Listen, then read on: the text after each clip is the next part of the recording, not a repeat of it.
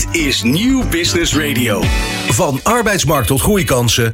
Van bedrijfscultuur tot innovatie. De Ondernemer. Live. Elke dinsdag van 11 tot 1. Live op Nieuw Business Radio. Met Roland Tameling. Zo is dat. En het tweede uur gaan we vliegend van start, mag je wel stellen. Met co-host Hans Ober nog steeds eh, in de studio, CEO van Ticketswap.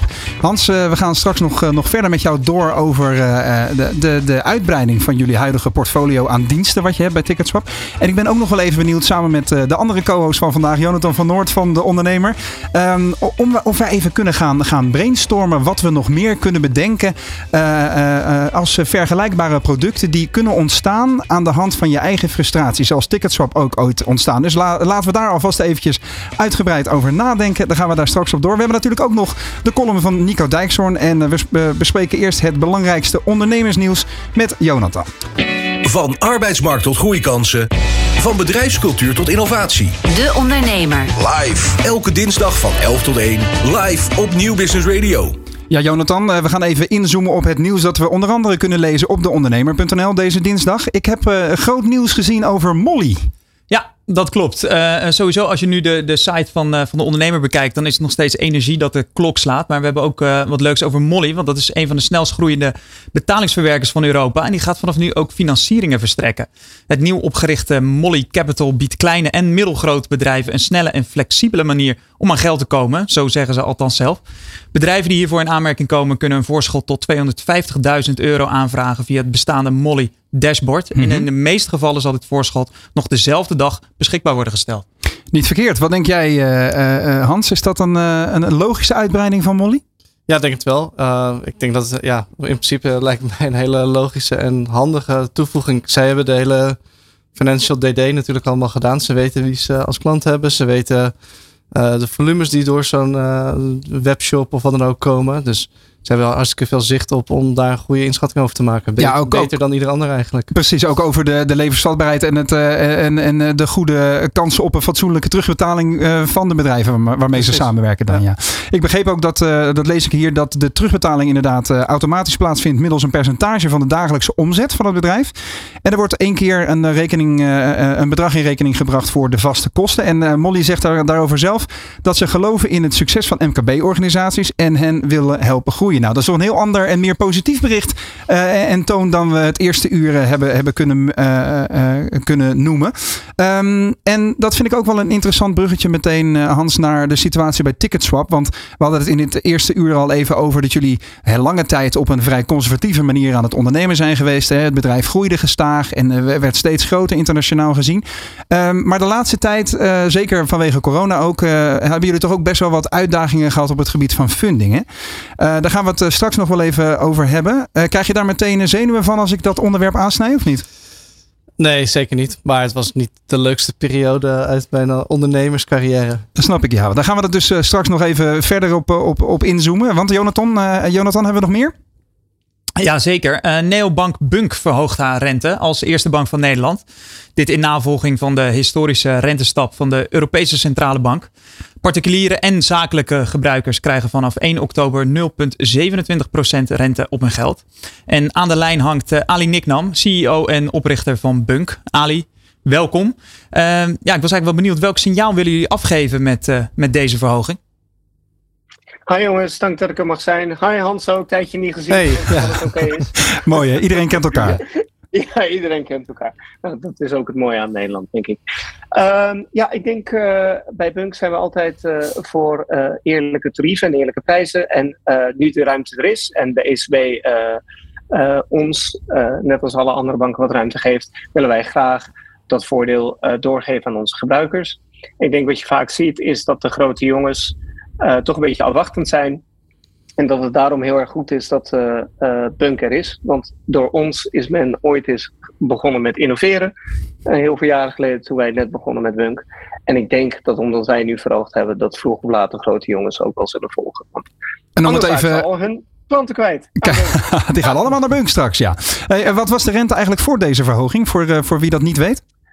Uh, dat was 0,09. Daarmee waren we ook alweer hoger dan, uh, dan, de, dan de andere banken. En dat hebben we nu verdrievoudigd, maar liefst naar 0,27. Ja, en, en in hoeverre is dit nou een, uh, een sympathiek plan en goede PR, Ali? Behalve dan dat het een, een heel positief signaal is natuurlijk voor de, de economie in Nederland? Nou, ik denk, ik denk een aantal dingen. Eén, ik hoop dat het sympathiek is, zoals het wel bedoeld. twee, PR als commercieel bedrijf ja, graag, uh, alsjeblieft. Uh, maar drie, ik denk ook dat we hiermee aantonen dat we bereid zijn om mee te bewegen. En de verwachting is natuurlijk dat de ECB verder verhoogt. Uh, en dan kun je er eigenlijk wel vanuit gaan dat DNB, of DNB, dat waar het hart vol van is. Hè, dat, daar heb je heel wat gesprekken liggen, weet ik nog, ja. Dat, dat Bunk daar mee beweegt. Duidelijk. Maar in, uh, in juli van dit jaar schreef je in een LinkedIn-post dat uh, renteverhoging alleen uh, van de Europese Centrale Bank niet genoeg is. Je pleitte ervoor om een dialoog aan te willen gaan voor een lange termijn oplossing om de inflatie te beteugelen. Ten eerste, wat, wat bedoelde je daarmee? Nou, ik denk, um, we komen eigenlijk uit een periode met historisch weinig rente. Um, daar had ik ook een, mijn bedenkingen bij. Maar goed, uh, uh, sommige dingen zijn nu eenmaal wat ze zijn. Mm -hmm. En we, uh, mede als gevolg daardoor hebben we hele hoge inflatie. Maar dat is niet de enige oorzaak. En ik denk dat het verstandig is in het belang van iedereen. om eens een keer samen te komen en een visie vast te stellen over waar we vinden dat het heen gaat. Ik vind dat we vaak te veel ad hoc en te vaak te politiek reageren op problemen. Mm -hmm. uh, wie zijn we? Ja, uh, inderdaad. Wie, wie, zijn we, Ali? We als maatschappij. Uh, waardoor we uh, ja, minder effectief zijn dan dat we zouden kunnen zijn. Dus deze renteverhoging moet er natuurlijk komen, want de rentes waren veel te laag. maar er moeten ook andere dingen gebeuren. En daar heeft niemand het over. En jij, uh, wij, wij hebben elkaar ook uitgebreid gesproken in een eerdere productie voor de ondernemer. En toen, toen gaf je aan van dat, dat je binnen de financiële wereld toch wel een beetje wordt gezien als uh, de luis in de pels. Hè? De, de, komt komt uh, Nick dan weer met zijn ideetjes. heb je yeah. nu een, al wel positieve feedback gekregen vanuit de, laten we zeggen, de gevestigde orde? Uh, waarover precies? Nou, over het idee dat je, dat je uh, die dialoog aan wil gaan uh, met overheden en, en financiële sector? Uh, niet dat ik weet, maar ik heb ook geen negatieve feedback gekregen. Dus you win some, you lose some. Heel goed. Um, Hans, ben jij, uh, ben jij klant bij Bunk? Zeker. Oké. Okay. En, en uh, wat, wat vind jij van de renteverhoging? Het is natuurlijk open deur dit, maar... nou, ik, ik, heb, ik gebruik het als gedeelde rekening met mijn vriendin. Ja. dus daarvoor zal het weinig, of daarop zal het weinig impact hebben. Het zal geen vakantie extra opleveren of zo. Nee. Maar het, kijk, ik vind het sowieso goed dat, er weer wat, dat de rente weer wat omhoog gaat. Uh, op alle fronten, ook om geld te lenen. Het was heel raar dat je eigenlijk gewoon gratis geld kon krijgen. Uh, en dat er nu eindelijk op je, op je spaargelden in ieder geval geen heffingen worden geheven door de bank in ieder geval. Nee. En Ali, wat, uh, wat hoop je dat de, de andere reacties zullen zijn van bijvoorbeeld je concurrenten? Behalve dan het volgen van deze stap? Uh, nou, ik hoop het volgen, want het toont maar weer eens aan hoe de kaarten geschud zijn. Wij zetten de toon en de rest volgt. Ja, je hebt eerder bewezen dat dat een uh, succesvolle strategie is. Dus uh, we gaan het zien. Dankjewel voor even een korte reactie in deze show. Uh, Ali Nikdam, de CEO en oprichter van Bunk. Dit is de gevreesde zoemer die na 60 seconden pitchen afgaat. Lukt het startende ondernemers om binnen deze tijd hun businessidee uit te leggen aan een vakkundige jury? Welkom op de stip. Ben je er klaar voor om jouw pitch te gaan geven? As ready as can be, ja. Yeah. Ik ben er klaar voor. Denk het wel. Ik, Fabienne de Vries, neem jou mee in Droomstart. Die klok maakt je wel zenuwachtig. Een unieke podcastserie van de ondernemer... waarin we ambitieuze Nederlanders volgen... bij het starten van hun eigen onderneming. Ik kan me niet voorstellen dat iemand hier komt... ik ben beter dan Google. Maar wat ik wel weet, is dat zij het niet doen. En jij bent erbij. Vanaf die eerste spannende pitch... tot aan de meest cruciale momenten van hun weg naar succes. Ik heb nooit geleerd om te zeggen van... Uh, oh, ik ben het waard. Volg Droomstart in je favoriete podcast-app en mis niets van dit unieke kijkje achter de schermen. Droomstart is een initiatief van de ondernemer en podcastbureau As We Speak. Ja, en dat uh, Droomstart-initiatief van de ondernemer en As We Speak was vorig jaar een mega succes. Of tenminste, het vorige seizoen. Heel veel uh, enthousiaste deelnemers uh, daarvan. En aan de vooravond van het tweede seizoen staan wij even in de terugblikstand. Om te kijken wat de eerste editie van Droomstart heeft betekent voor de deelnemers. Uh, Nicky, jij hangt op dit moment aan de lijn. jij bent een van de drijvende krachten achter Remote en ook een deelnemer aan het eerste seizoen van Droomstart. Hoe gaat het ondertussen bij jullie? Hallo, goedemorgen Jonathan, dat klopt. nou, er is aardig wat gebeurd in deze tijd. Um, Eva die is helaas gestopt met Remote. Wacht eens even. En ik ben nu verder aan het gaan. Nee, maar dit is best een, best een, een, een, andere afslag die wij niet verwacht hadden. Nee, zeker, inderdaad. Ja, je komt er denk ik achter door dingen te doen. En daar zijn wij altijd heel erg voorstanders van geweest. En Eva, die, uh, ja, we hadden in het begin natuurlijk een freelance opdracht ernaast. En Eva vond het freelance leven gewoon uh, heel fijn. Dus mm -hmm. de vrijheid die ze daar uh, mee had. En dat ze nog heel graag wilde reizen. En dat is natuurlijk perfect te combineren met freelancen. Ja. Dus ja, vandaar de keuze dat ze is gestopt met Remote. En jij gaat dus wel volle bak door, want jullie zijn, om, om, het, om het even zo, zoals jullie dat zelf noemen, een employer branding, branding agency. Kom er, ik kom er niet eens uit. Ja. Een employer branding agency.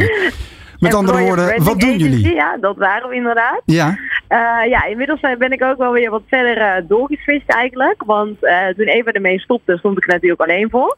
Hoe lang is dat geleden? We waren natuurlijk al wat meer online ons aan het richten op ehm, ja, social media onder andere.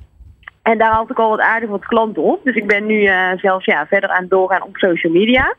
Waar ik TikTok nu heel erg in betrek voor bedrijven. Dus dat ik dat opzet, omdat mm -hmm. ik daar kansen zie. En employer branding, ja, het stukje, ik ben, uh, ja, ik moet even een nieuwe koers aannemen nu ik uh, alleen ben. Dus ik ben nog, uh, ja, sturende op wat ik precies ga doen. Maar ik heb in ieder geval weer mooie klanten op social media. En ik vind het heel leuk om creatief bezig te zijn. En bedrijven daarmee te helpen waar ik kansen voor ze zie. Dus dat ja. ben ik nu voornamelijk aan het doen. Een co-host Hans, die, die vroeg net even tussendoor inderdaad een relevante vraag. Hoe lang geleden ben je met, met begonnen? Um, nou, officieel dat we uit dienst zijn gegaan uh, bij onze werknemers is in mei geweest. Okay. En ik was, ik was eigenlijk vooral benieuwd van wanneer is de, de splitsing, de scheiding dan, uh, wanneer heeft die plaatsgevonden? Je bent echt in een positieve vibe. Eva en ik uh, is ontstaan, dat is een maand geleden denk ik. Oké, okay, dus het is ja, echt nog, nog wel eventjes, even zoeken dus op dit moment. Hey, en voor, ja, ja, zeker. Ja. In mei begonnen, meegedaan aan Droomstart, het eerste seizoen. Hoe heb je dat ervaren? Uh, heel leuk. Uh, sowieso heeft het ons echt, uh, wat we al eerder hebben verteld, gewoon echt een stok achter de deur gegeven. Zodat we ja, nieuwe kansen kregen en dat we ons echt gingen focussen op ondernemen. Mm -hmm. Het zat altijd heel erg in ons hoofd. En we waren wel achter de schermen half bezig. Maar dit had er echt, ja, heeft er echt voor gezorgd dat wij een stap hebben genomen. Die ja, uiteindelijk voor ons allebei positief is uitgepakt. En we hebben heel veel ja, media-aandacht natuurlijk gekregen, wat ons ook veel heeft gedaan. En het was is super leuk geweest voor ons dat we gewoon ja, deze hele uh, weg uh, terug te luisteren op de podcast natuurlijk. Dus ja, ook voor later. Het is wel uh, leuk dat de, echt de eerste stappen die wij hebben gezet, dat het allemaal vastgelegd is. Maar waar ben je nu verder dan zonder Droomstart? nou, ik heb sowieso hierdoor echt ontslag genomen bij mijn baan. En anders had ik misschien nog steeds... Ja, nou, ik weet niet of ik dan nog aan het twijfelen was. Maar ik had natuurlijk een hele leuke baan. en dit was wel echt ja, gaf wel echt zet om uh, echt te springen. Dus daar uh, ben ik Droomstart wel dankbaar voor, ja. En wat over Droomstart gesproken, maar wat zijn jullie, wat zijn jouw uh, ambities hiermee? Heb je nu personeel? Ben je dit nog steeds in je, ben je, ben je nu nog echt alleen of ga je nog een partner zoeken? Nou, ja, leuk dat je het zegt, want ik heb gisteren toevallig een gesprek gehad met een meisje dat mij kan ondersteunen een paar uur in de week. En ik heb vanmiddag nog een gesprek. Dus ik ben wel echt uh, ja, op zoek naar uh, ja, werknemers erbij. Nog niet in vast dienstverband, maar ik wil wel het bedrijf echt laten groeien. En daarnaast ben ik aan het kijken, want social media was natuurlijk niet het eerste plan wat we hadden. En de workations, daar geloof ik nog steeds heel erg in. Dus ik dat moeten we misschien even uitleggen. Want jullie zijn inderdaad begonnen als een, als een, als een, als een aanbieder van workations. Hè? Dus uh, het is een soort retretes waarin je ook met je collega's uh, ja, uh, de handen ineens zou slaan. Maar uiteindelijk is dat een beetje bijgeschaafd tot een social media agency. Ja, ja, ja, dat klopt. Omdat, uh, nou, we kwamen er al best wel snel achter. Toen we, we hadden dit idee natuurlijk en we gingen het pitchen. En dan heb je er wel over nagedacht, maar heb je nog niet heel veel dingen getest en uh, ben je nog niet echt de markt ingegaan. Als je ja, start met droomstaf, dan heb je gewoon een idee. En dan is het de bedoeling dat je het natuurlijk verder uh, uit gaat zoeken hoe het allemaal werkt. En toen kwamen we er al best wel snel achter dat natuurlijk Vacation is redelijk nieuw in Nederland. Uh, het was ook best wel een investering voor bedrijven. En mm -hmm. voor ons natuurlijk ook heel veel geregeld achter de schermen, want je zit ook met verzekeringen.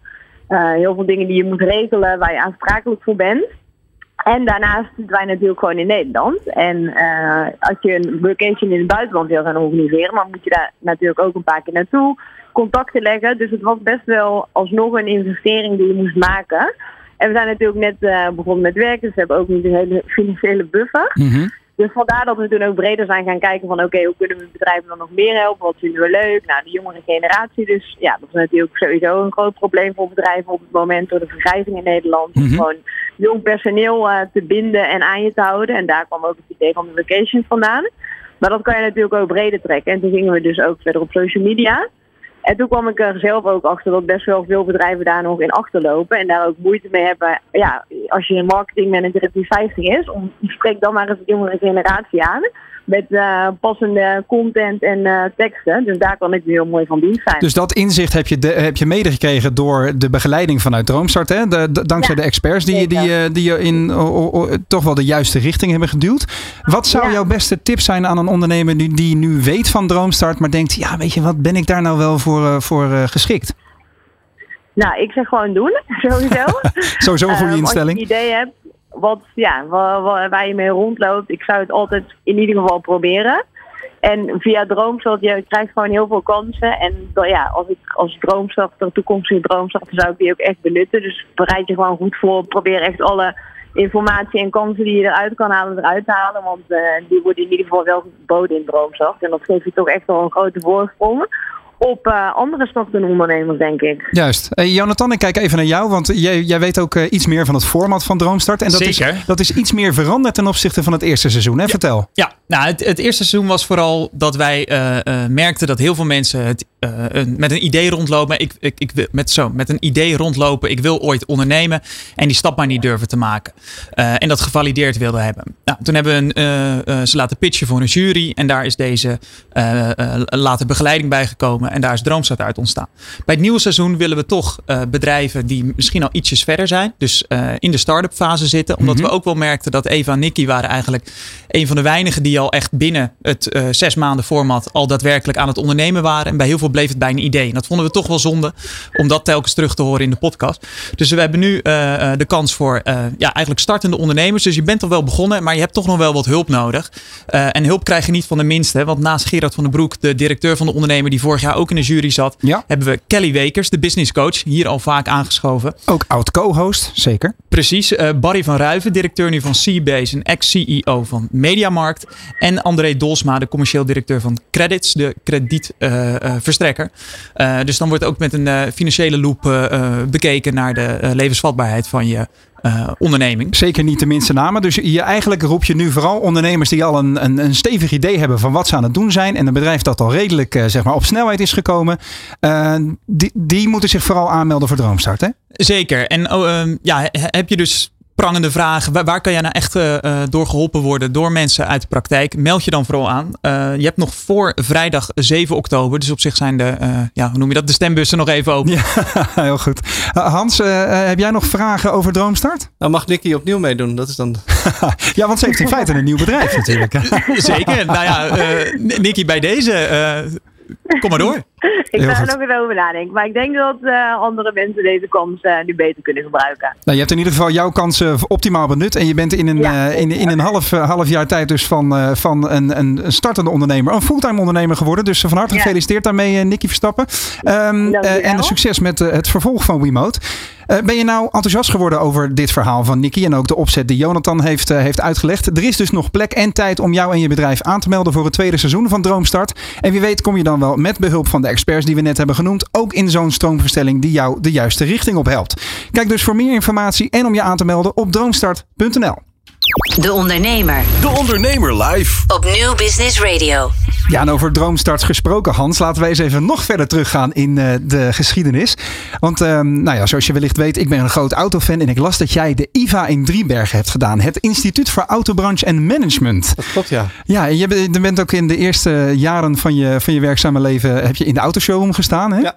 Ehm, Nou, eerst zelfs nog even eh, als, als hulp, zeg maar. Auto's gewassen. en Zo'n zo. manetje van alles. Ja, ja? nee, maar het- ik vond het hartstikke leuk. En het sluit dan ook goed aan. Kijk, IFA staat een beetje te boek als autoverkoperschool of wat dan ook. Maar het is eigenlijk gewoon een hele brede managementopleiding, net zoals de hotelschool, alleen dan gericht op de automotive. En uh, ik, ik vond het een hele leuke opleiding. En juist als je dan in een autobedrijf werkt, dan zie je ook de dingen die je in de schoolbank uh, voorgeschoteld krijgt als problemen of, of ja, als rekendingen en noem maar op. Ja. Uh, zie je dan in het echt. En dat is best wel leuk. En dan kan je, nou ja, vond ik een mooie aansluiting. Dus je bent eigenlijk vanuit je eigen liefhebberij, zeg maar, ben je een beetje die kant op gegaan. Maar feitelijk bleef het veel meer, bleek het veel meer een, een zakelijke opleiding te zijn.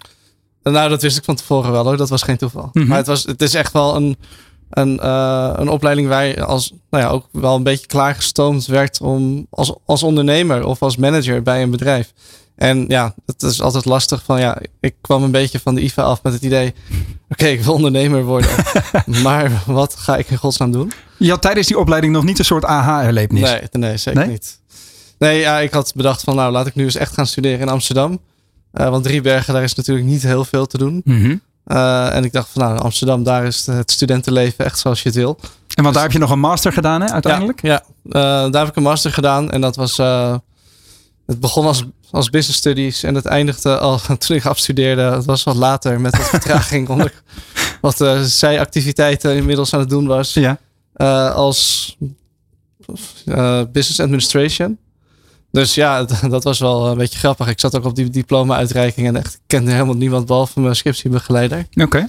Maar uh, nee, ik, dat was eigenlijk ook wel een hele leuke aansluiting op, uh, op uh, ja, zo'n HBO-opleiding waar je toch wat meer kijkt in de boeken van dit, wat hier staat is zo. En dan op die masteropleiding werd, kreeg je zeg maar allerlei theorieën en dan moest je zelf een beetje het beste uithalen of beargumenteren waarom welke voor jou goed zou zijn. Dus het heeft je wel verder ge, ge, uh, gevormd als ondernemer dan? Ja, ja. absoluut. Ja. Hey, um, ik ga even heel stiekem doen hoor, want uh, Remy is er nu toch niet. Hè? Normaal gesproken remt hij mij altijd af als ik over auto's begin te praten, want dan kan ik makkelijk twee uur over doorbabbelen.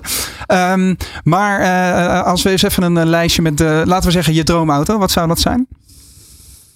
Als Ticketshop ineens door het dak gaat? Nou, ik vind de Porsche 911 GT3 Touring bijvoorbeeld wel echt een hele sexy auto. Zonder de grote achterspoiler. Ja. ja. ja uh, Zie je, we gaan meteen nerden. Heerlijk is dat, hè? Ja, ja dat is heel specifiek ook gelijk, hè? Ja, ja, ja. Nou ja. Dat is een speciale versie van de snelste 911 zo'n beetje. Dus uh, um, dat, is, uh, dat is hartstikke fijn.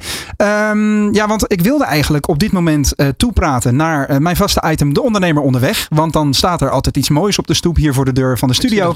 Maar de studio um, kijkt uit op een lege stoep. Dus wij hebben net te horen gekregen dat uh, de, de chauffeur van die auto en ook mijn gast in de ondernemer onderweg momenteel nog even in de file staat. Welkom in de herfst van Nederland. Midden op de dag en toch vast in de file. Dus we gaan eventjes uh, doorpraten naar... Um, de Data Dinsdag. Job van den Berg is ondertussen binnengekomen in de studio. En Data Dinsdag is ons vaste onderdeel. Uh, omdat data-expert Job van den Berg van Bluefield Agency je in zijn column gaat bijpraten over de kansen die je als ondernemer kunt pakken dankzij data. En vandaag, Job, welkom trouwens in de studio. Dankjewel. Goed dankjewel. dat je zo flexibel bent om even in te springen. Vandaag ga je het hebben over de verrassende rol die creativiteit bij het gebruik van data kan hebben. Wat heb je voor ons in petto? Waarom creativiteit en data eigenlijk een match made in heaven is. Steek van wal. Yes. Creativiteit is nodig om de kansen van data te zien. Ja, je hoort het goed. Creativiteit en data. Op het eerste gezicht twee tegenovergestelde begrippen. Data worden gezien als feitelijk, rationeel, objectief, terwijl creativiteit meer geassocieerd wordt met gevoel, innovatief, associatief en flexibel. Het zijn eigenlijk de twee hersenhelften in ons brein. In de praktijk zie ik dat als je met een creatieve bril met data aan de slag gaat, je de beste en mooiste inzichten krijgt. Dat klinkt op het eerste gezicht misschien een beetje vaag en een beetje zweverig. Maar ik neem je graag mee hier in deze column wat een creatieve mindset is en waarom dat een must is om data te verwaarden in je bedrijf. Want door meerdere databronnen te combineren of verder te denken dan sec de resultaten van een analyse kom je namelijk tot verrassende ontdekkingen.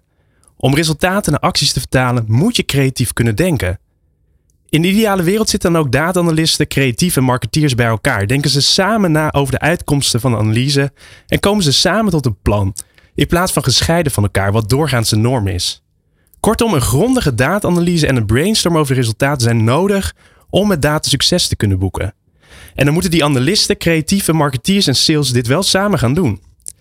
Ik zei al, ik ben ervan overtuigd dat data en creativiteit tot de beste inzichten en dataacties leiden. Ik pas het zelf regel toe met mijn teams.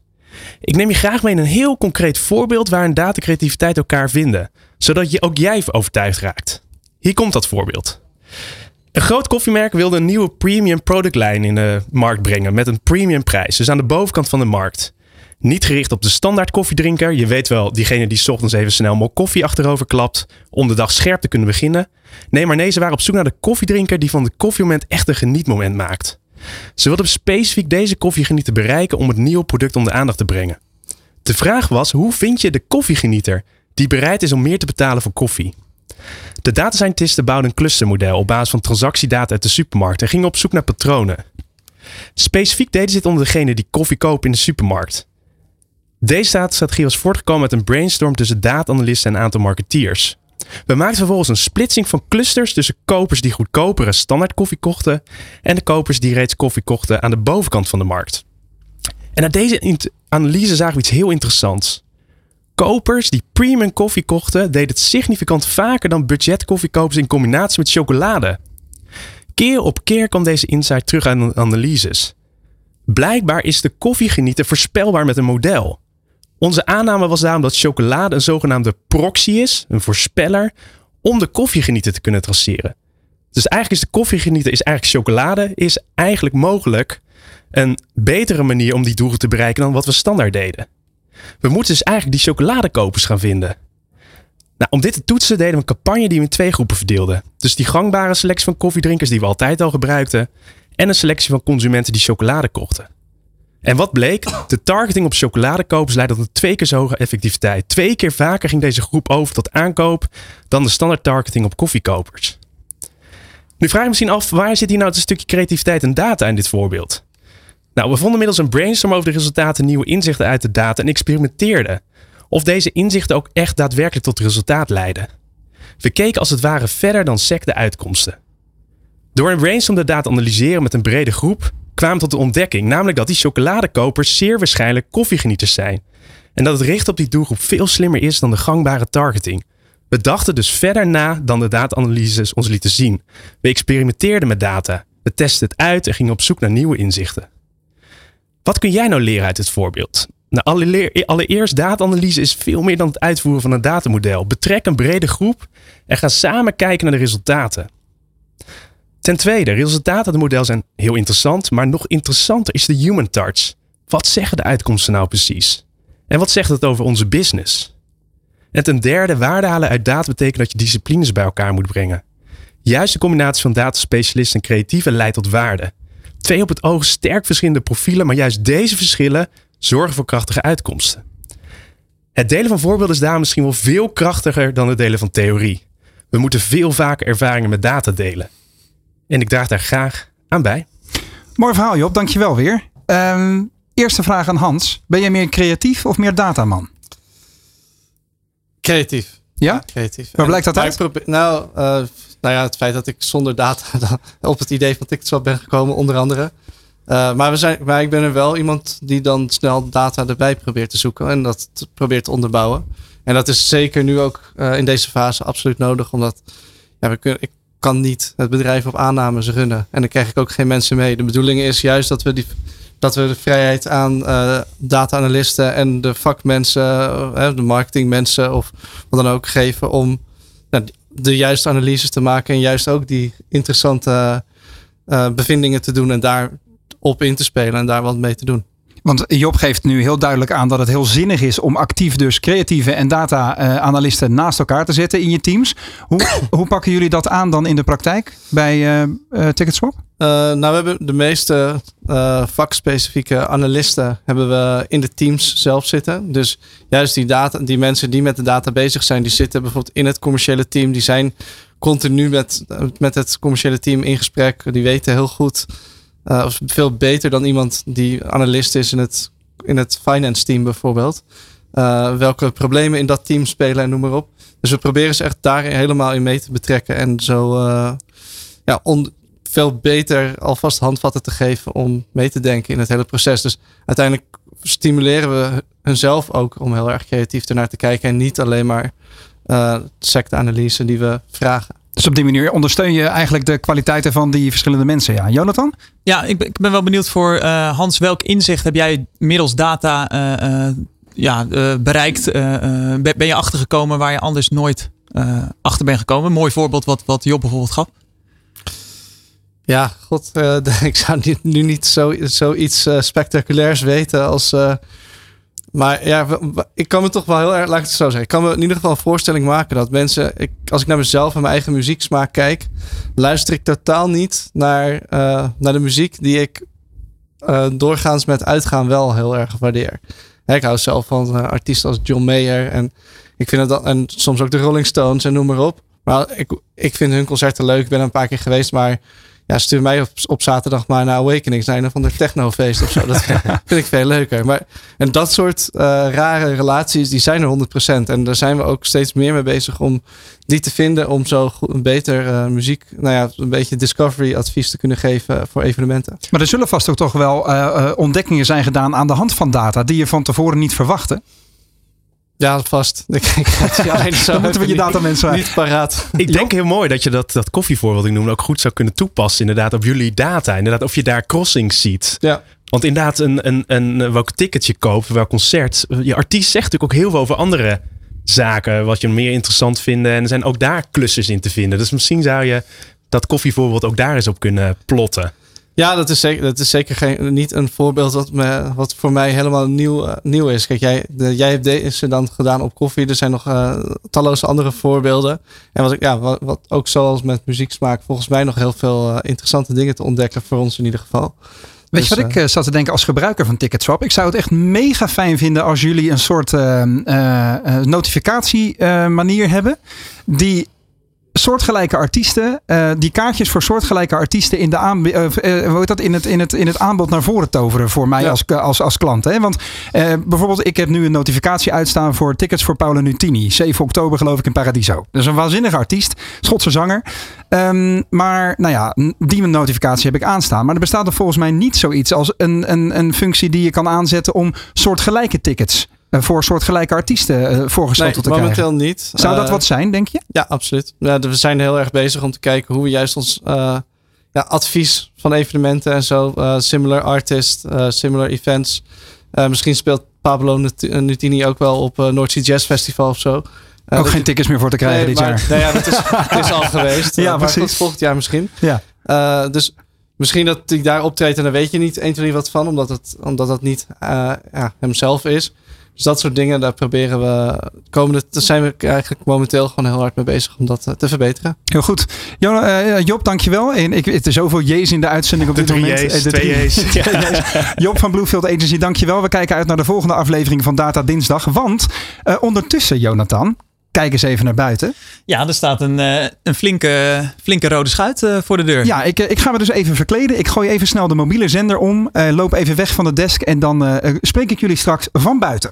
Dit item wordt mede mogelijk gemaakt door de laadpas en laadpalen van MKB Brandstof. Van A naar business met Roland Tameling.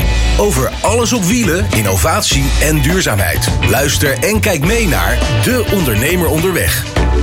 Ja, Roland staat inmiddels buiten bij een Build Your Dreams. Ik ken het merk niet. Hoe heb je dat nu weer geregeld? Ja, jij kende dit merk echt niet. Dit is een Build Your Dreams tang. En daar gaan we vandaag in de ondernemer onderweg inderdaad alles over leren. Want naast de auto staat de Senior Manager Public Relations van BYD Europe. Want BYD, Mike Belinfante, goedemorgen, welkom dat je er bent. BYD, uh, BYD staat voor Build Your Dreams. En als ik uh, mijn, uh, mijn meest kritische blik zou opzetten, dan zou ik zeggen het zoveelste Chinese automerk. Ja, maar dit is niet zomaar een automerk, Roland. BYD bestaat 27 jaar en is begonnen als batterijfabrikant. Dus alle batterijen die we vroeger in die hele zware telefoons hadden, die Nokia, Siemens en zo, ja. die waren van BYD. Hebben ze vreselijk veel geld mee verdiend. En op een gegeven moment hadden ze een droom. Build Your Dreams is daar natuurlijk van afgeleid. Het heette in China wat anders, maar goed. En uh, met die batterijen hebben ze alles wat bewegen kan, willen ze elektrificeren. Dus ze zijn begonnen met vrachtwagens, met bussen. Mm -hmm. uh, ze nu treinen, ze hebben batterijsystemen, solarsystemen. Ze zijn al een keer begonnen met auto's, maar dat was niet de hele goede start. Ze hebben nu... ja, 2006 was dat, ja, weet ik nog inderdaad. 2008 geloof ik, dat, dat was de... En de F6 geloof ik. Maar nee, ze hebben nu designers uit Europa, van Wolfgang Enger, van Audi. Ze hebben mensen van Ferrari en Mercedes-Benz weggehaald. Mm -hmm. Die zijn al een tijdje bezig en die hebben dit soort auto's gemaakt. We gaan gelijk beginnen met drie auto's. Dat is de Atto 3, dat is een C-segment SUV. De Han, dat is een mooie sedan, een hele snelle sedan. Die gaan een 3,9 naar de 100. En deze Tang. En de Tang en de Han, dat is afgeleid van het Chinese imperium. Hè, waar China duizenden jaar geleden groot is geworden met de Han-dynastie en de Tang-dynastie. Daar zijn ze naar vernoemd. What's in the name? En dit is een BY3 en het is niet zomaar een automerk. Dus niet zomaar het volgende Chinese automerk. Kijk, mooi. Ik nodig Mike dan uit hè, voor een item. En dat is er meteen een verkooppraatje van heb ik jou daar. Maar uh, terecht, want inderdaad, BYD is een, uh, zo'n grote internationale uh, technische speler ook. Dat je allerlei producten die we in het dagelijks leven gebruiken, die komen van BYD. Waaronder ook de, de bussen op Schiphol bijvoorbeeld. Hè. Die elektrische bussen rijden daar ook. Um, maar de Tang is een vrij forse SUV, elektrisch. Alle drie de auto's zijn elektrisch. Alle drie de auto's zijn elektrisch. Deze is 487, een beetje jouw postuur. Jij kan erin. Uh, uh, ja. Auto voor grote mannen? Ja. Nee, het is een auto voor grote mannen. Uh, vierwieldrive, 7-seater, 487. Ja. ja, een behoorlijk apparaat. Ja. Nou, nou, nou blijf ik natuurlijk wel een beetje overeind dat er um, met alle respect toch wel heel veel Chinese producten op de markt komen. Maar überhaupt heel veel nieuwe spelers. Niet alleen vanuit China.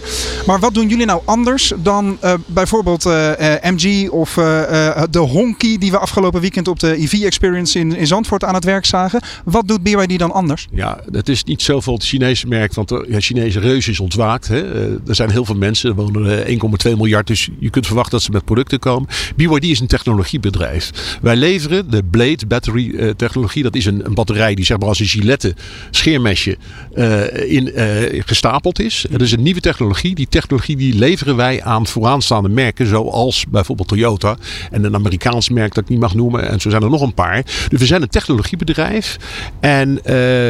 Dat, dat staat voorop. En daarnaast hebben we het design uh, ontwikkeld samen met de Europeanen. Dus we zijn klaar om de stap naar Europa te maken. En daar zijn we ontzettend trots op.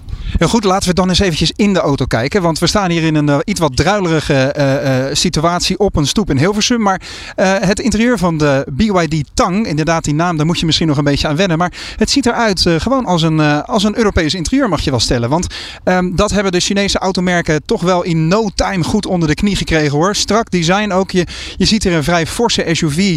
Um, ja, die, die qua uitstraling gewoon past keurig in, in wat de meeste uh, Europese kopers toch wel willen hebben. Het interieur ook fraaie lederen bekleding. En de achterbak wordt op dit moment opengetrokken door Mike.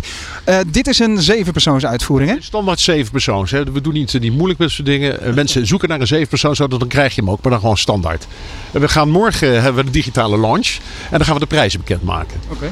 Waar moet ik dan ongeveer aan denken zeg maar? Want zijn jullie een budgetmerk zou je zeggen of juist niet? Nee, we willen niet de goedkoopste zijn. We willen de beste zijn. En uh, want China heeft een beetje een naam. Hè. Had een naam dat het niet al te beste producten leveren. Nou, dat is voorbij. De mensen schieten apparaten naar de maan. Dus ze zijn hoogtechnologisch opgeleid. Dat is deze auto ook. Niet alleen met technologie, maar ook gewoon alles wat erin zit. En uh, hij is al te koop in Noorwegen. Vorig jaar, dat was eigenlijk de pilotmarkt. Mm -hmm. Dan is hij uh, voor geloof 60.000 euro verkocht. Dus dan moet je met de Nederlandse en Europese taxatie, moet je dan, de belasting moet je dan 15% bij optellen ongeveer. En dan -hmm. kan je snel rekenen waar je dan op uitkomt. Ja, maar de, deze tang is jullie topmodel zo gezegd. Ik zou lekker de klep weer dicht doen, Mike, want dan uh, blijft hij ook droog aan de binnenkant. Jullie, uh, uh, de tang is dus jullie, jullie topmodel op dit moment. Het is lekker weertje. Hè? Um, de Atto 3 is jullie instapmodel. Hè? Kun je daar al wel een, een, prijs aan hangen? Nee, nee, we kunnen er geen prijs aan hangen, want dat doen we morgen. En dan, dan zouden we de digitale launch niet meer nodig hebben. Maar dat is een, een C-segment SUV waar je een beetje moet vergelijken met Hyundai Kona, Kia Niro, dat formaat. alleen dan met onze technologie. Hè? Dat is de, de, de, de veiligste batterij die er op de markt is. Mm -hmm. uh, ook qua efficiëntie en gewicht uh, speelt hij uit. Dat maakt die Blade-technologie zo mooi. Hè? Ja. Want normaal heb je dan modules die gestapeld zijn. En dit zit dan als een scheermesje uh, achter elkaar. En dan heb je gelijk de, de contacten om, om de batterij goed op te laden. En het is koboltvrij. Dat is natuurlijk ook fijn. Dus ook een soort duurzaam component in die auto's. Ik, ik ken jou als iemand, jij hebt al heel veel jaren ervaring in diverse grote internationale autobedrijven. Hyundai onder andere. Uh, je hebt ook bij, uh, bij MG gewerkt. Wat maakt BYD qua onderneming dan anders dan die andere bedrijven? Kun je daar een vinger op leggen? Het is eigenlijk een enorm familiebedrijf van 400.000 man. Mensen zijn echt verliefd op wat ze doen. Ze, zijn, ze willen het beste maken. Ze doen niet van minder. En ze hebben er heel lang over gedaan om die stap te durven maken naar Europa. Ze wisten wat ze daarvoor nodig hadden, namelijk kennis en kunde van Europeanen. We zijn ook nu bij de, de lokale markt. Markt. En samen met die Chinese power die er natuurlijk wel is, eh, hebben we iets moois gesmeed. En we zijn nu net begonnen. We komen gelijk met drie modellen. Maar er komen natuurlijk meer aan. En we hebben, vergeet niet, de bussen, de vans, de voorkrijfluffs, de railsystemen, de monorailsystemen. We hebben solarsystemen, uh, uh, oplaadsystemen met batterijen. Het is echt een technologiereus hè, in de industrie. Ja, ja. Het is een privéonderneming, hè, dus het is niet staatgestuurd. Dat is ook wel fijn voor heel veel Europeanen om te weten. Ja.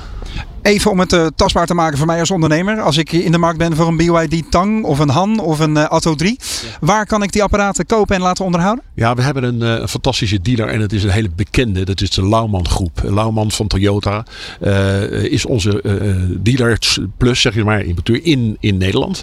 En, Over gerenommeerde familiebedrijven gesproken. Absoluut. En prachtige vestiging in Amsterdam, ook in Rotterdam. Dus daar kunnen we beginnen. En die auto's zijn nu al te verkrijgen. onder de toonbank weten we de prijs maar morgen weet je hem echt. Uh, dus je kunt hem al kopen. En uh, we staan even daarnaast staan we op de Parijse Motorshow. En dat is de officiële start van BYD in Europa. Oké, okay, en wanneer zou ik hem dan voor mijn deur kunnen hebben? Want deze auto staat nu al op Nederlands kenteken. Maar wanneer kan ik hem krijgen bijvoorbeeld? Al snel. We hebben er een aantal duizenden al, al staan. En het leuke is dat BYD ook zijn eigen chips maakt. Dus je hebt ook niet problematiek met, met de chipsachterstand en de wachttijden. Mm -hmm. Dus het gaat wat sneller. Maar ja, er moet ook nog wel een bootje varen. Dus op termijn zouden we het dus in Europa willen produceren. Waardoor de afstand wat, wat, wat dichterbij is bij, bij, bij de markt waar we zitten. Maar het wordt hoe dan ook een grote internationale speler. Ik zag dat jullie vorig jaar 740.000 uh, voertuigen hebben verkocht al. Dat, uh, die, die lijn gaat ook als een soort hockeystick omhoog. Hè? Um, dus um, uh, kun je een, een, een, een, tipje van de sluier oplichten. die inmiddels ook is nat geregend. Maar van wat we de komende jaren kunnen zien van, van BYD? Ja, ik, ik wil natuurlijk niet over toekomstige auto's spreken. Maar we hebben als je naar... Ja, maar wij wel. Googelen, Google rustig en je ziet BYD en dan zie je een aantal modellen. Mm -hmm. En die moeten, uh, er zijn er sommige wel van Europa en sommige niet. Wij gaan voor EV's en new energy vehicles. Er zou hier en daar misschien een plug-in hybride kunnen zitten, omdat niet iedereen toe is aan elektrische auto's. Maar van de Han verkopen we er 175.000 per maand momenteel. En we zijn groter dan Tesla. Uh, om maar eens even. Dat is het, het, merk, het grootste merk wat je niet wist dat bestond. Dat Inderdaad, ja. BYD dus. Build Your Dreams. Nu op een stoep in Hilversum. Die is nat geregend. Maar binnenkort dus wellicht bij jou in je garage. Mike Bellefante, senior manager van uh, BYD in Europa. Hartelijk dank voor je komst. En graag binnenkort uh, tot ziens op de weg. Absoluut. Je gaat hem tegenkomen. Dit item wordt mede mogelijk gemaakt door de laadpas en laadpalen van MKB Brandstof. Dit is De Ondernemer live op Nieuw Business Radio. Ja, wat een alleskunner is het, hè? Die uh, Roland Tameling. Zo staat hij buiten en is hij weer binnen. In de ja, studio. Uh, een beetje nat. Even een beetje opwarmen en opdrogen. Want inderdaad, uh, het, de herfst is echt begonnen. Maar wat vinden jullie ervan, jongens? De BYD Tang. Nou, flink slagschep. Wel echt een serieuze auto, hè? ja, maar ik zag jou net ook vol bewondering naar buiten kijken, Hans. Is dit het type auto waarvan je denkt, hé, hey, dat vind ik wel interessant? Nou, voorlopig nog niet. Want? Uh, nou, ik vind het erg, erg groot. Uh, het ziet er weinig sportief uit. Uh, Je bent iets meer van het, van het snelle werk en, en het dynamische ik werk. Ik hou nog wel stiekem een beetje van, die, van de echte brandstofmotor. Ja, dan kunnen we elkaar op dat vlak ook de hand schudden. Jonathan, wat is jouw gevoel bij BYD? Ook als onderneming? Uh, nou, wat mij uh, uh, wel vertrouwen geeft, is dat ze dus al zo lang bezig zijn. Hè? Dus als accu-ontwikkelaar begonnen ja. en dan nu met de auto. Dat geeft mij toch wel vertrouwen. Het is echt een mega grote internationale speler ook. Dus wie, wie weet dat dat wel, uh, wel wat kan zijn. En uh, ze hebben in zekere zin natuurlijk ook wel een gat in de markt. Hè? Met, uh, met natuurlijk een focus volledig op elektrische auto's. En dat is voor het laatste stukje, Hans, ook over, over Ticketswap misschien wel een mooie brug om, om even te kijken naar de toekomst. Want Ticketswap is ooit begonnen natuurlijk als een soort van oplossing voor een persoonlijke ergernis. Mm -hmm. Wat zou jouw volgende Ticketswap moeten zijn als jij ooit bent uitgekeken op dit, dit, dit kindje? Ja, dat zou ik zo niet weten. Ik, ben daar, ik, krijg wel eens vaker dat soort vragen van wat ga je hierna doen of wat dan ook. Maar ik, ik weet het niet. En als, ik vind ook dat ik, ja, zolang ik hier fulltime mee bezig ben, wil ik gewoon me hierop focussen. En weet je, ik kan nu een idee hebben en als ik hier nog uh, vijf of tien jaar mee bezig ben, ben dan heb je ja, dan is het tegen die tijd is dat probleem heus geen probleem meer. Weet nee. wel? Dus... Maar Hans, la, laat ik het anders zeggen. Ik, uh, ik sprak uh, halverwege dit jaar met Koen Thijssen. Dat is de, uh, een van de oprichter, oprichters was dat van Bloemon. Inmiddels bij Insify, de disruptieve verzekeraar. en hij vertelde dat hij bij Bloemon was weggegaan omdat hij het, hij vond het manager worden. Dus het, het, het werd te veel ja, ja, een, een kantoorbaan. En hij wilde weer pionieren. trekt dat jou niet? Ja, kijk, zij kon, hun product was het leveren van een, van een bos bloemen in een bepaalde vorm, in een abonnementsvorm. En uh, nou, waarschijnlijk doe ik het nu heel veel tekort, dus alvast sorry daarvoor. Maar wij hebben een platform wat wel continu in beweging en in ontwikkeling is. Dus uh, wij kunnen nog echt gigantisch veel doorontwikkelen, zoals net ook eigenlijk al in het vorige blokje aangaf. Uh, met data kunnen we nog heel veel mooie dingen doen en op aanbevelingen. We kunnen ja, Facebook laat op heel veel uh, punten nou ja, het bal vallen als het gaat om evenementen. Uh, dus ja, wij proberen daar uh, heel veel dingen in op te pakken. En dat is ook een beetje een, soort van, ja, ik omschrijf het ook wel eens een beetje een legpuzzel. Allemaal losse dingetjes die misschien in eerste instantie naar de buitenwereld een beetje los zand lijken of losse features of wat dan ook. Maar uiteindelijk als het eenmaal samenkomt, uh, ja, dan denk ik dat we allemaal heel, dat het samen een heel mooi uh, nou ja, orkest wordt. Wat, wat heel, heel goed gaat samenspelen. Waardoor we veel meer markt kunnen pakken. En niet alleen uh, mensen die een transactioneel, transactionele behoefte hebben op dat moment. Maar ook als het gaat om discovery. En bijvoorbeeld ook het helpen van, van festivals om een, een evenementen in de breedste zin. Om hun kaartjes aan de fan te krijgen. Ja, wat ik ook een interessant verhaal vind en, en een, een inspirerende geschiedenis ook van Ticketswap is dat jullie al heel wat um, nou, dieptepunten en uitdagende momenten ook wel hebben overleefd. Hè? Uh, we gaven eerder al even het, uh, uh, toch wel corona natuurlijk als, als voorbeeld. Want dat hebben we nog niet helemaal uitgediept. Om het even tastbaar te maken. Met hoeveel man begon je aan de coronaperiode? met 105. En uh, aan het, laten we zeggen, na de ingrepen die je moest doen uh, tijdens corona, hoeveel had je er toen uh, over? Ja, toen zijn we denk ik naar 70 gegaan. En er zijn een beetje in, het, ja, in, de, in die periode zijn natuurlijk ook best wel wat mensen die zich gerealiseerd hebben van ik wil life coach worden of ik wil ondernemer worden of een eigen appje bouwen of wat dan ook. Dus ja. er zijn nog wel wat mensen achteraan gegaan. een aantal hebben, die op wat belangrijkere posities zaten hebben we, hebben we vervangen wel. En ja, dat was ook geen, geen gemakkelijke klus in een, in een markt waar je nou, net, net bekend staat als partij die uh, heel wat mensen heeft laten gaan. Ja. Uh, en ja, toen hebben we uiteindelijk zijn we gekrompen tot 60 op het dieptepunt. En nou, eigenlijk hebben we toen in die periode hebben we ook gezegd van nou ja, we laten het lekker een beetje zoals het is. We ontwikkelen door op onze strategie. Dus veel meer uh, waarde kunnen toevoegen voor, voor zowel de fan als de organisaties. Dus je hebt je blijven focussen op het ontwikkelen ja, dus? Ja, absoluut. Ja.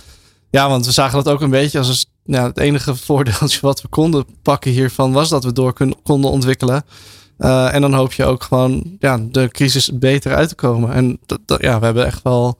Uh, we zijn heel sterk daaruit gekomen wel. Wat is nu de huidige situatie uh, qua mans, mankracht en vrouwkracht en enzovoort? We hebben 200 mensen werken. Oké. Okay. Dus een behoorlijk team dus goed teruggeveerd wel na zo'n uh, uitdagende periode. Ja, nou ja, goed. Een aantal mensen is niet per se een maatstaf van succes. Mm -hmm. um, maar nee, het is, het is heel goed gegaan. En ik denk uh, dat het de, de staat ook waar we corona mee ingingen, zeg maar, wel de, een goede weerspiegeling is van uh, hoe we er toen voor stonden versus hoe we er nu voor staan. Dus wat dat betreft is het heel goed gegaan. Een hele goede zomer geweest. wat uitdagingen als het komt op support. Maar Puur ja, personeel, wat je al zei. ja. Dat was ook echt een personele uitdaging. Maar de, ja, over het algemeen, corona was een, uh, een zeer zware periode. Met name in het begin. Omdat je gewoon echt niet wist wat er ging gebeuren. Net als nou ja, eigenlijk wat de, wat de bakker we, net al. net ook, hè? Ja, wat de bakker net zei. Ja. Het was, ja, er kwam steun aan, maar je wist niet hoeveel, wanneer, uh, voor wie dat dan zou gelden en noem maar op. Maar in, inmiddels schijnt de zon weer. Waar schijnt hij over uh, een paar jaar over de horizon? Uh, nou, ik hoop in een heel aantal meer landen. En dan hoeven we ook niet uh, uit het raam te kijken dan dat het regent.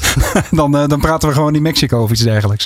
Ja, wat zijn dan de belangrijkste markten die je nog zou willen toevoegen? nou, we zijn nu aan het kijken in Canada. Maar verder hebben we ja, allerlei markten, of ja, heel veel markten, eigenlijk heel Europa zijn we actief. En ik vind het ook heel belangrijk om te zorgen dat we in de markten waar we zitten, dat we die ook gewoon echt naar het Nederland niveau trekken. En niet alleen maar markten toevoegen die dan half een beetje blijven kabbelen. Dus ja. wat mij betreft eerst ook gewoon door gas geven op de markten waar we nu in zitten. Dus een breder product maken voor de landen waar je al zit. En als het kan, gaan uitbreiden in, in ja, andere, en soms, andere ja, soms pakken we gewoon ook uh, bepaalde kansen die uh, zich voordoen. Het verhaal van Ticketswap is nog duidelijk niet klaar, hoorde ik al. Uh, maar het is inmiddels tijd om langzaam maar zeker deze radioshow te gaan afsluiten. En traditioneel doen we dat zoals elke week met huiscolumnist Nico Dijkshoorn. Die klaar staat in de startblokken om op eigen wijze te kijken naar de bijzondere plannen van de gasten bij de Ondernemer Live. Waaronder dus Ticketswap. Dus uh, gordels vast, adem in en oren open voor Nico. Ondernemertjes. Ademloos luister ik deze twee uur naar Hans Ober die het vrij geniale Ticketswap oprichtte. Ticketswap is het platform om tickets te kopen voor concerten, festivals, sportevenementen, theater en dagjes weg.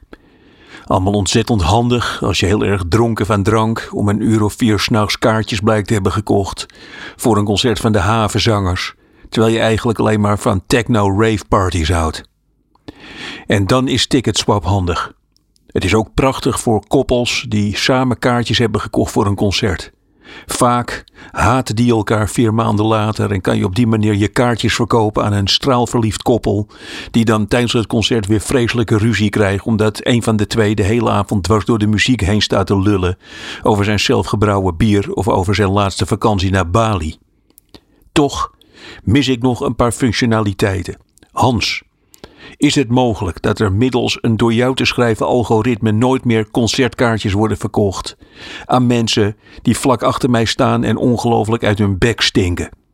Is het ook mogelijk om kaartkopers te weigeren die al negen keer naar Bruce Springsteen zijn geweest en die dan tijdens het tiende concert drie uur lang vlak achter je blijven vertellen over hoe goed het de vorige keer wel niet was? Is het ook mogelijk, Hans, om een maximum lengte te hanteren voor concerten. Als er kaartjes worden gekocht, bijvoorbeeld voor een breekbaar optreden voor kleine meisjes, dan vind ik een bouwvakker van 2 meter 10 midden in de zaal een hel. Ik zou het ook heel fijn vinden als ik voortaan zeker weet dat ik mijn kaartjes niet verkoop aan een van de gekken die tijdens het concert 14 keer bier gaat halen en daarna toch gewoon weer vooraan wil staan. Nog een laatste vraag.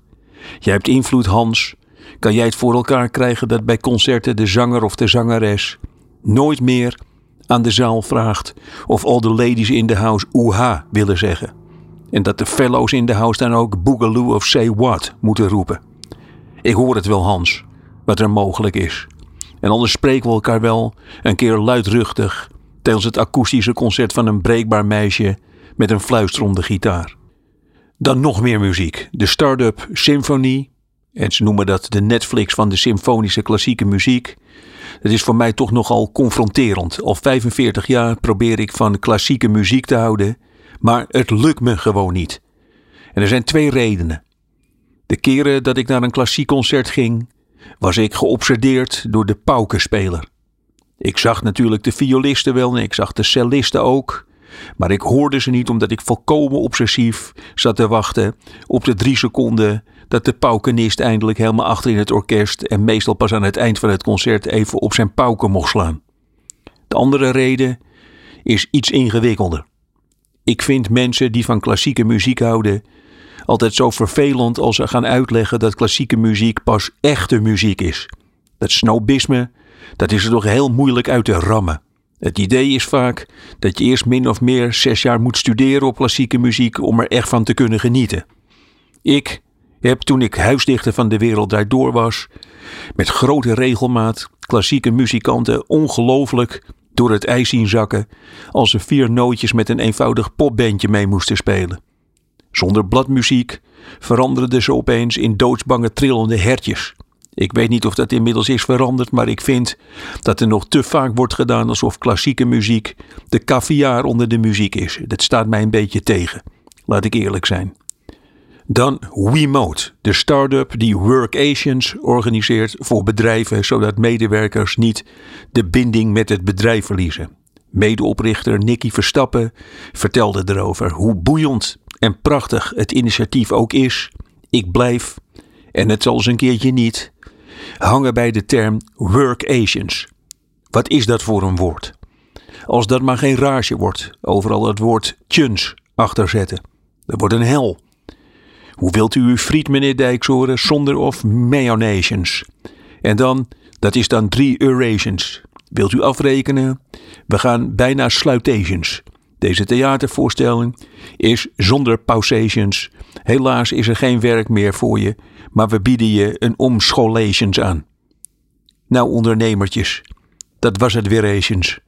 Ik wil de presentations Roland Tamalations en Jonathan Noordations van harte bedanken voor alweer twee uur sprankelende programmation. Nogal inspirerend, hè, dit weer, eh, Hans. Uh, Nico Dijkshoorn uh, in, in zijn eerste deel van zijn column een uh, duidelijke ja, feedback op jouw product. Wat is je het meest bijgebleven? Wat ja, genoeg inspiratie om mee aan de slag te gaan, zo te horen. Dat wordt een kopje koffie ja. met Nico binnenkort, of niet? we hebben genoeg te doen. Ja, nog een laatste vraag, Jonathan. Ja, toch wel een serieuze noot om mee te willen afsluiten. Hans, jij, jij hebt bewezen met Ticketswap dat je de coronacrisis hebt overleefd. Wat zou je nu bijvoorbeeld de bakker die we in het begin hoorden nog willen meegeven? Om, om misschien een, een, wat support, een tip uit jouw ervaring? ja, dit. Uh, ja, kijk, ik, ik weet, ik weet ja, uiteindelijk gewoon je intuïtie volgen. Ik denk dat dat hierin de, de belangrijkste is. Want het meeste wat ik, tot wat ik anders verder kan noemen, heeft geen betrekking op de bakker. Dus ik zou zeggen, uh, ja, je bent een ondernemer en blijf dat en blijf daarop vertrouwen. En uiteindelijk komt het ook wel een keertje weer goed. Zeker als het product goed genoeg is, toch? Lijkt mij. Ja, absoluut. Hartstikke goed om eh, met de woorden van uh, Nico Dijkshoorn af te sluiten. We gaan uh, sluitations voor dit, uh, voor dit verhaal. Niet normaal hoe snel die twee uur voorbij vliegen hè, van de ondernemer live. We hebben weer een bijzonder diverse uitzending gehad. Niet in de laatste plaats dankzij de co-host die schitterde in deze uitzending. Hans Ober van Ticketswap. Hans, hartelijk dank voor je komst. Deze aflevering van de ondernemer live werd mede mogelijk gemaakt door MKB Brandstof, Bluefield Agency en de Radiofabriek. Dank ook aan mijn steun en toeverlaat Jonathan van Noord. Uh, volgende week dan hebben we even geen reguliere editie van de Ondernemer Live. Want dan komen we de hele week, elke dag, live vanaf locatie tijdens de Smart... Uh, nee, niet, niet Mobility, Business Week. De Smart Business Week. Dat is volgende week.